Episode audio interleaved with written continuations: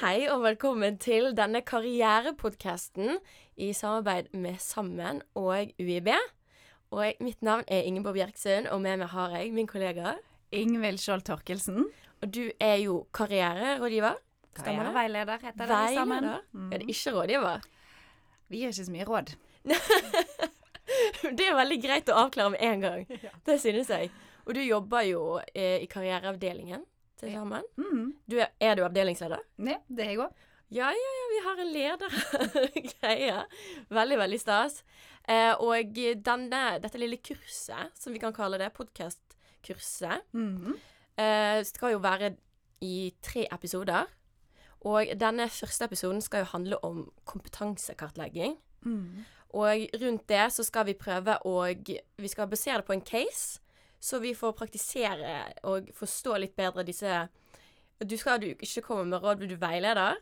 Mm. Men disse tipsene og triksene som du skal komme med, skal bli litt mer eh, lettere å ta tak i, da, eller forstå. Og eh, casen for denne uh, episoden, det handler om hvordan man skal klare å selge seg sjøl til en potensiell arbeidsgiver, eller hvordan skal man klare å skryte av seg sjøl. Hvordan gjør man det på riktig måte? Kan man til og med kanskje bli komfortabel med det? Hvordan skal man på en måte jobbe gjennom kanskje dette her lille, denne lille problemstillingen man har, da? Er det noe du ser ofte? Mm. Jeg ser det veldig ofte. Det er mange studenter som syns det er veldig ukomfortabelt å snakke om seg sjøl på den måten. De har lite trening i det. Det er veldig få situasjoner før man er jobbsøker hvor man trenger å snakke om seg sjøl sånn. Eh, fortelle liksom litt grundig og bevisst hva man egentlig kan, hvilke ferdigheter man har eh, utviklet, hvilke personlige egenskaper man har, kanskje særlig det siste. Veldig uvant å snakke om seg sjøl på den måten. Og særlig liksom når det er fordi man skal overbevise noen om at jeg er den rette til å få denne jobben. Det er jo en uansett hvordan man vrir og vender på det, det er jo en liten sånn konkurransesituasjon hvor du vet jo når du er i et jobbintervju eller er jobbsøker at du er i konkurranse med noen andre. Så det å snakke om seg sjøl og bringe seg sjøl inn i den type konkurransen er veldig ukomfortabelt for mange. Vi har lite trening i det. Ja, og spesielt så har vi jo janteloven også. Det har vi også. Ja, ja, ja. Jeg gjetter at, at um, i andre kulturer, f.eks. tenker jeg på eh, den amerikanske kulturen, tipper jeg at eh, unge mennesker er mer trent i å snakke om seg sjøl på den måten, og mer komfortabel med det. Ja, det tipper jeg. Men det er jo veldig vanskelig å vite sånn Hva er relevant på en måte erfaring og kunnskap å ta inn? Sånn Hvor starter man karrieren sin, på en måte? Sånn Skal man begynne å snakke om hvor, flink man var i barnehagen? Altså sånn Hvor starter karrieren til en person, på en måte? Det er jo et superspennende spørsmål, for det em, et tradisjonelt syn på karriere har jo vært liksom at det handler om den veien i arbeidslivet som er helst liksom som går oppover og fremover og mer ansvar. mm, Leder for, for fler, finere klær, høyere lønn. Ja. Denne typiske eh, assosiasjonen til ordet karriere. Men i sammen, og egentlig liksom i hele karriereveiledningsfeltet, så tenker vi på karriere på en helt annen måte. At det handler om den veien du går gjennom livet, og alle de overgangene du står i, alle valgene du tar. Um, mulighetene du har, begrensningene du har. Det å være et menneske i møte med overganger. Um, og de overgangene begynner jo egentlig ganske tidlig. Du kan jo tenke eh, liksom En av de første overgangene du har, er jo å begynne i barnehage, kanskje. Yeah. Um, og så er jo ikke det så mange valg man tar, kanskje, når man er så liten. Nei. Men jo eldre man blir, jo flere valgmuligheter får man. Eh, jo, mer, jo flere ferdigheter utvikler man, jo flere interesser får man. Eh, liksom en, Ens egen personlighet former mer av de valgsituasjonene man er i. En erfaring fører til en annen erfaring. Og dette tenker jeg, det, det er dette som er karrieren. Og så selvfølgelig får dette konsekvenser for arbeidslivet. Um, Ja, så alle har på en måte en karriere, og det trenger ikke nødvendigvis bare å være arbeidserfaring. Er det det du på en måte prøver å si? Ja, absolutt. Alle har en karriere. Det syns jeg er kjempegodt eh, er en kjempegod setning. OK, ja. Det er jo kanskje litt deilig å høre. Hvis man på en måte føler at man kanskje ikke har tilstrekkelig med arbeidserfaring, eller hva annet det skal være. At man kan på en måte lete etter egenskaper å presentere fra andre steder i livet da, enn bare jobb. Eksempel eh, skole eller i vennegjenger. At man kan på en måte lete etter egenskaper hos seg sjøl i de situasjonene òg. Mm. Det det er veldig relevant. Og særlig hvis man har lite arbeidserfaring og tidlig i karrieren, så blir det, er det kjempeviktig å tenke liksom bredt på sin egen eh, sin, Ja, tenke karriere veldig bredt. OK, så da, da er vi litt tilbake her til sånn kompetansekartlegging.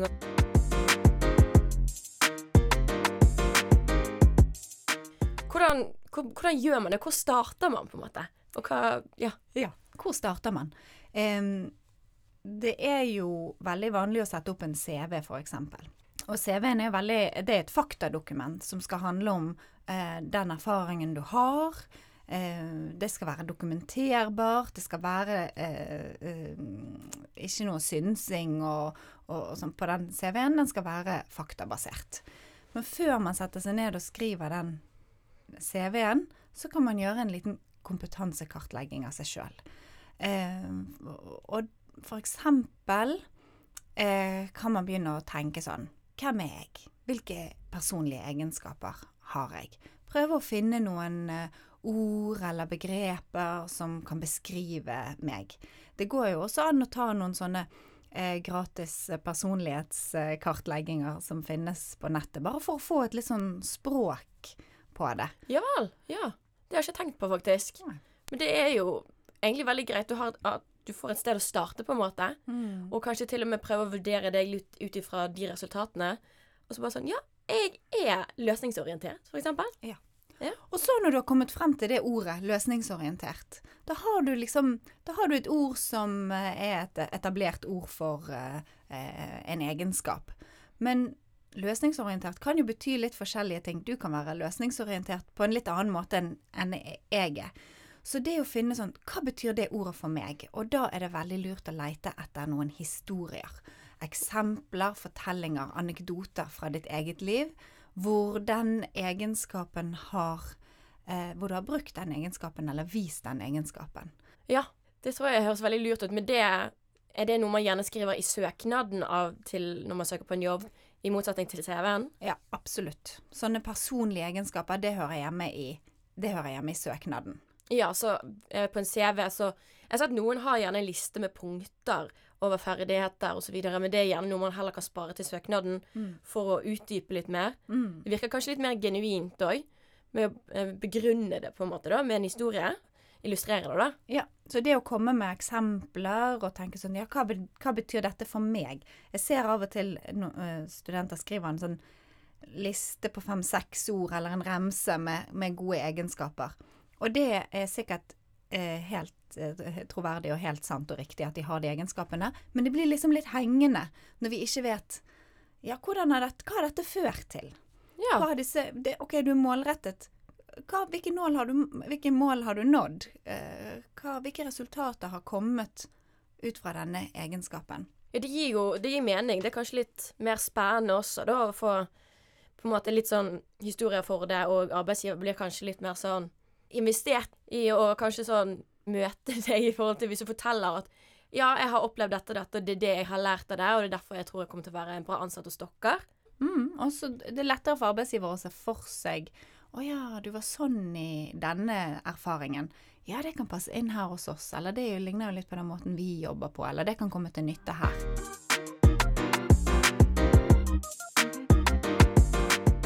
Hva skal man gjøre når man føler at eh, Tilbake til dette med å skryte av seg sjøl.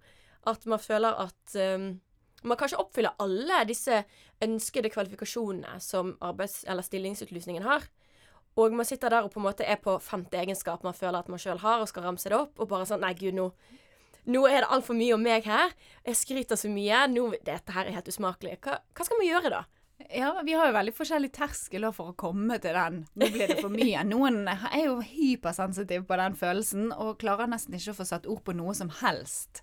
Eh, og da blir jo søknaden kanskje veldig skrinn, og det blir for lite informasjon. Um, og noen, noen kan tåle litt mer. Men det er jo en sjanger hvor du skal vise deg frem. Ja. Så det, det er jo noe med å tåle å beskrive deg sjøl på en måte så du kjenner at du kan stå inne for samtidig som du får vist dine gode egenskaper.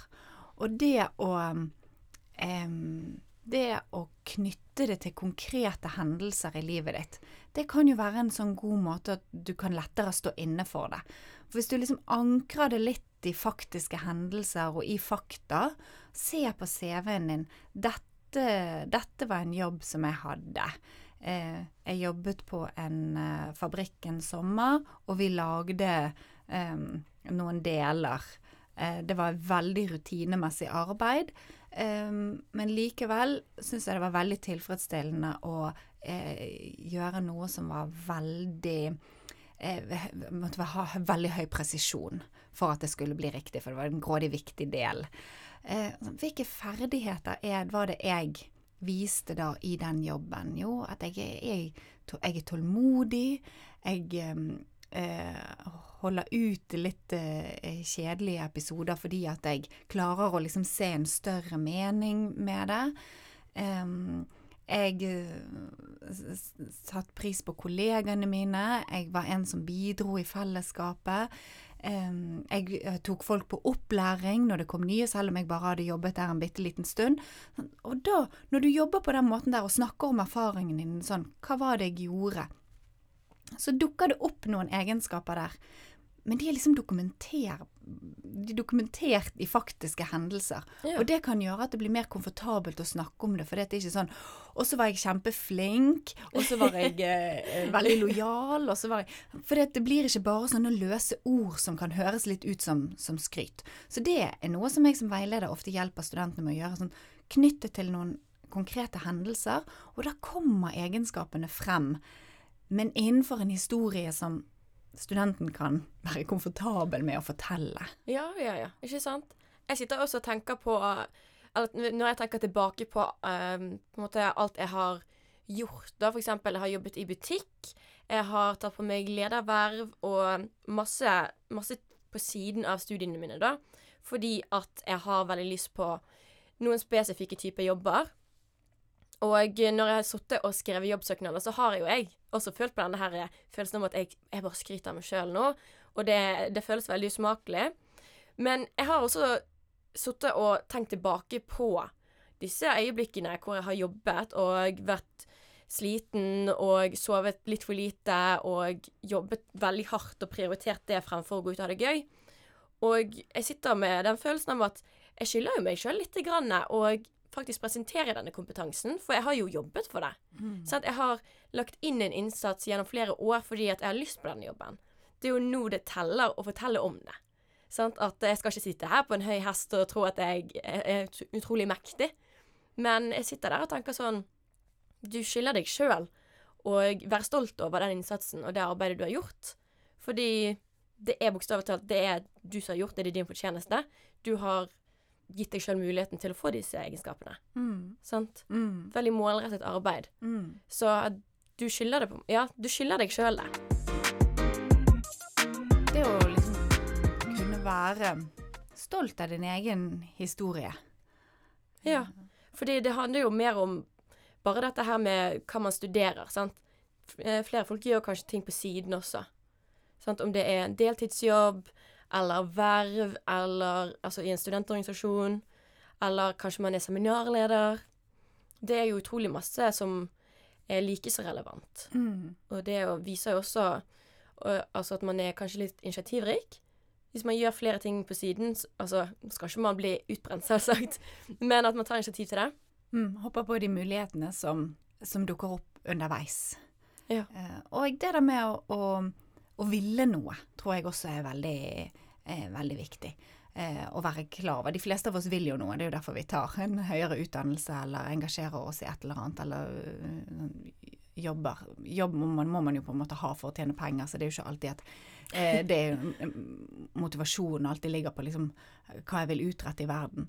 Men, men, det kan jo være det. Men særlig frivillig arbeid handler jo liksom om at jeg har lyst til å få til et eller annet, og bruker fritiden min på et eller annet jeg har lyst til å få til. Og hva er den driveren? Det kan jo være at du har lyst til å bidra med et eller annet for andre mennesker, eller lage til noe sosialt, eller skape det fellesskapet som du sjøl har lyst til å være en del av. Eh, eller det kan handle om faget, at du har lyst til å være, møte noen andre som studerer det samme som deg, og um, ha noen de diskuterer med, eller um, Eller at du altså vil gjøre verden til et bedre sted for andre. Ja. Um, altså at det engasjementet du kjenner på, det du vil, at det tenker gjennom liksom, hvordan kommer det til uttrykk i verden. Uh, hvis ikke jeg hadde vist dette engasjementet, uh, hvis ikke jeg hadde gjort noe med det, så hadde jeg bare liksom hatt det inni meg sjøl. Men jeg, hvor har jeg tatt det, liksom? Hvor har jeg, hvor har jeg gjort det virkelig? Vet, du må forklare meg dette her, for jeg vet ikke hva det er egentlig. Men det er noe som heter kompetansepyramiden. Eh, jeg, vet, altså, jeg tenker helt med en gang bare sånn Hva er det Vaslos behovspyramide med en gang? Men det er noe Jeg vet ikke om det bygger på det samme prinsippet. Hva sier du? Nei, men uh, det er jo litt som en pyramide. Det er altså likt som i Maslow, at noe bygger på noe annet, da. Ja, OK. Ja. Um, men eh, eh, kompetansepyramiden er et kjempegodt verktøy for å kartlegge sin egen kompetanse. For den er det, som alle modeller så er det en veldig sånn visuell og, og uh, intuitiv måte å plassere sin egen kompetanse eh, i et slags hierarki, da, eller i en pyramide. Um, og den, den, nederste delen av kompetanse, hvis du ser for deg at den er delt inn i en bolk nederst, som er breiest, og så er den neste litt smalere, og den over der er litt smalere, så går det sånn oppover i fem nivå til man møter toppen. Ja. Og i den nederste så ser vi for oss at der er det personligheten din, eller dine personlige egenskaper. Den har du med deg overalt. Og den er i utvikling, men den er jo også ganske stabil. Så du bytter ikke personlighet når du går inn i en ny setting, selv om vi alltid er eh, blir formet av den sammenhengen vi er i, da. Men, men eh, likevel er det noe med oss som er stabilt. Ja. Og hva er det? Hva er den liksom, basen du står i som er med deg i alle typer jobber, eller alle typer sammenhenger? Eh, den neste bolken heter eh, erfaring og praksis. Det er alt du har gjort og utført, og alt du har vært i kontakt med. Eh, det kan være alt fra idrett du har holdt på med når du var barn og ungdom. Det kan være dine første jobberfaringer. Det kan være frivillig arbeid. Noen har jo omsorgsoppgaver hjemme, eller noen har vokst opp på en gård og vært vant til å ha, ha ja, Ja. jobbe i fjøs og um, Alle mulige slags erfaringer du har med deg gjennom livet ditt. Praktiske erfaringer. Ikke ting du har studiepoeng i, men, men som likevel er en viktig del av kompetansen din, fordi det er ting du har, har utført, og sammenhenger du har inngått i. Ja. Eh, så det er jo sånn, det er jo litt eh, CV også. Der ligger jo eh, en del av det som kommer på arbeidserfaring og annen erfaring på CV-en.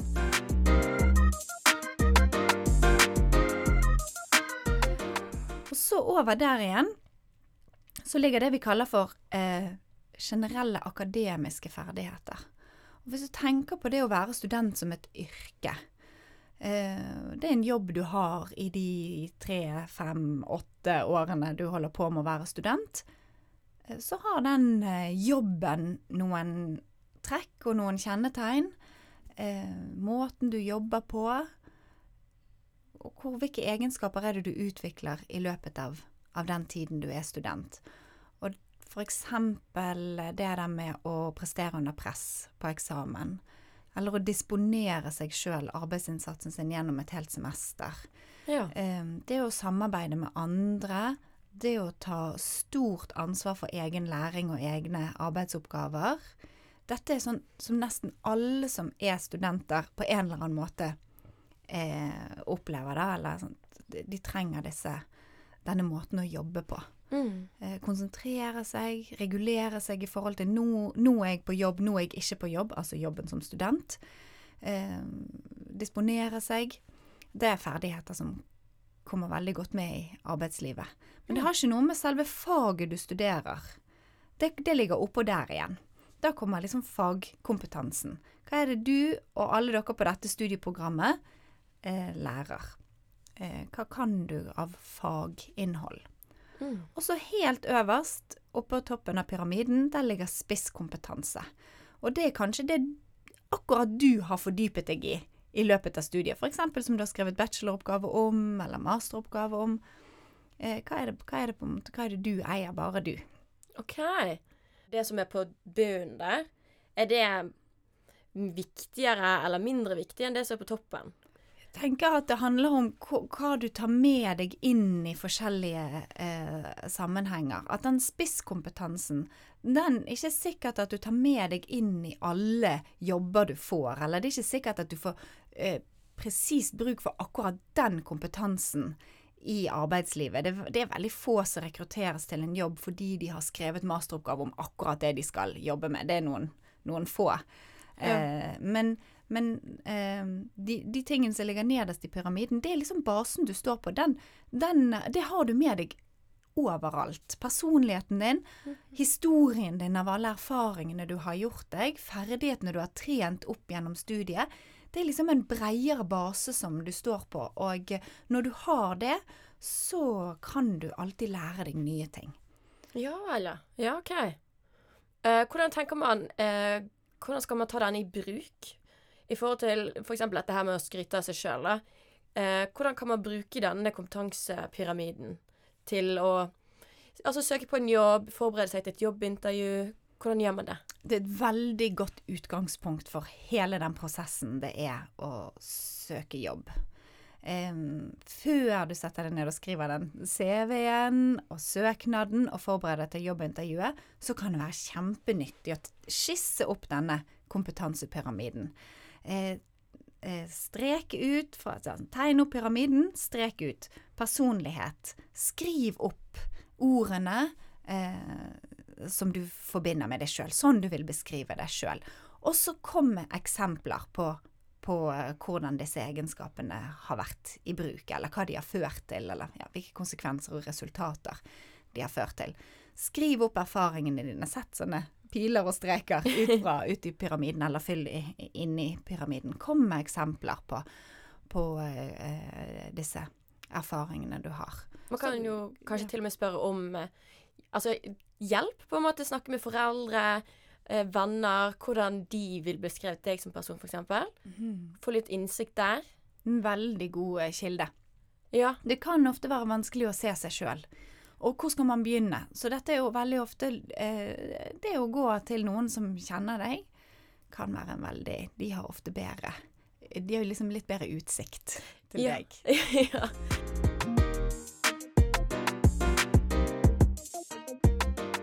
Det, det er jo veldig fint, og det er jo en fin måte å få bli litt hypet opp. Synes jeg. Få litt grann skryt. Det, det, jeg føler jo, eller jeg håper jo at det er det å skrive en sånn liten kompetansepyramide av seg sjøl, kan føles litt bra. Sant. Det er jo meningen. Ja. Ja. det er bra. Få opp litt selvtilliten, og kanskje gjennom da at man blir mer komfortabel av å i hermetegn skryte av seg sjøl, da. Ja. ja. Og dette, denne kartleggingen kommer til nytte i hele prosessen. Når du skal skrive CV-en din, så har du allerede identifisert ut hvilke erfaringer du har som kan være verdt å ta med.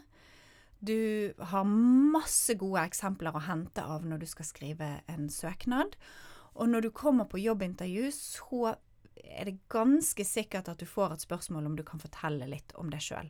Og det er ofte en ganske brei invitasjon til å si noe om valgene du har tatt, og hva det er du har gjort i livet ditt som har ført deg hit, og hvordan det eh, passer sammen med motivasjonen din for å søke på akkurat denne jobben. Og da har du gjort mye av det grunnlagsarbeidet, så da kan du liksom plukke fra den kartleggingen. Med den kompetansekartleggingen så er du kanskje forberedt på For jeg synes et vanskelig spørsmål å svare på er Ja, fortell litt om deg sjøl. Fordi hva skal Altså sånn Ja, nei, jeg har bursdag i oktober, favorittfargen min er rosa. sant? Selvfølgelig, man sier jo ikke det, men sånn Hva er det de har lyst til å vite, sant? Og da er det jo så fint å kanskje ha litt forberedt, og være litt klar over at det er sånn eh, Man finner kanskje til og med ut hvilken retning man har jobbet seg mot, eh, ut ifra denne kartleggingen, men også sånn hva som er viktig for deg, hvordan du har jobbet for å oppnå det du har gjort. For eksempel sånn Ja, mitt navn er Og jeg har, synes det er veldig spennende å jobbe med dette konseptet. Det er derfor jeg har engasjert meg slik og slik og slik. Og jeg ser på denne jobben som en perfekt mulighet for meg til å bli enda bedre. Er det en fin måte å svare på? Mm. For det du gjør nå, det er jo å lage en rød tråd, en historie med en rød tråd, hvor ting henger sammen. Ja. At dette engasjementet som jeg hadde, eller denne tingen jeg ble helt fascinert av når jeg var eh, tenåring, fordi jeg leste en bok, eller traff en eller annen person, eller så et eller annet på TV, da ble jeg kjempeopptatt av akkurat dette temaet. Og, og, og siden har det liksom vært med meg, og jeg har tenkt sånn Å, det hadde vært kult å jobbe med noe som passer med dette engasjementet.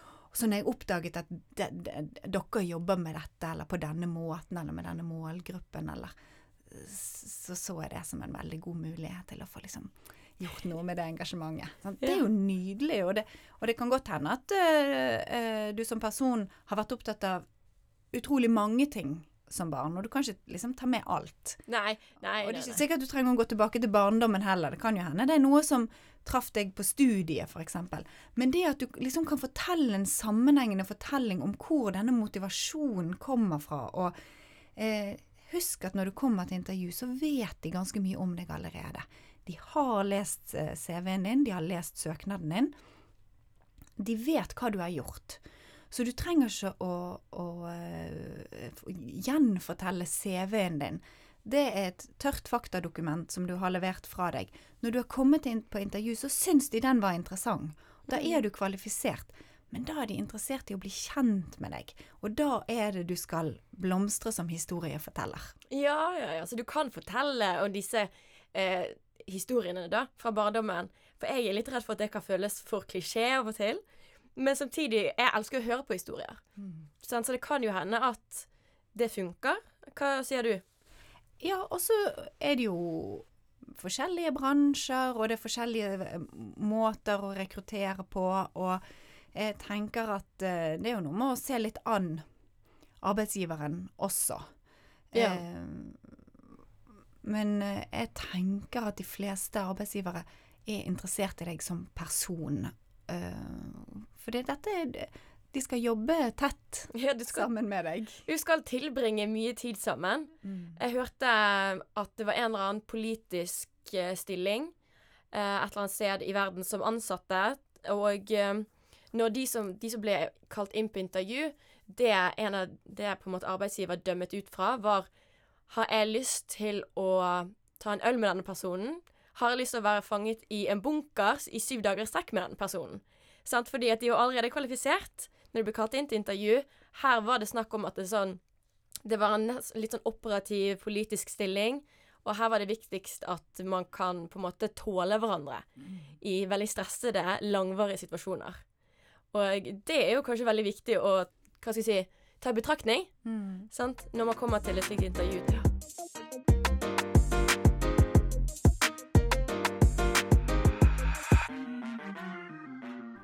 Og, hvis du skal jobbe i en eller annen form, hvis det er en jobb som involverer noen kunderelasjoner eller brukere du skal forholde deg til, så er jo det også en Dette er jo også en test på eh, eh, hvordan vil våre kunder oppfatte eh, denne kandidaten.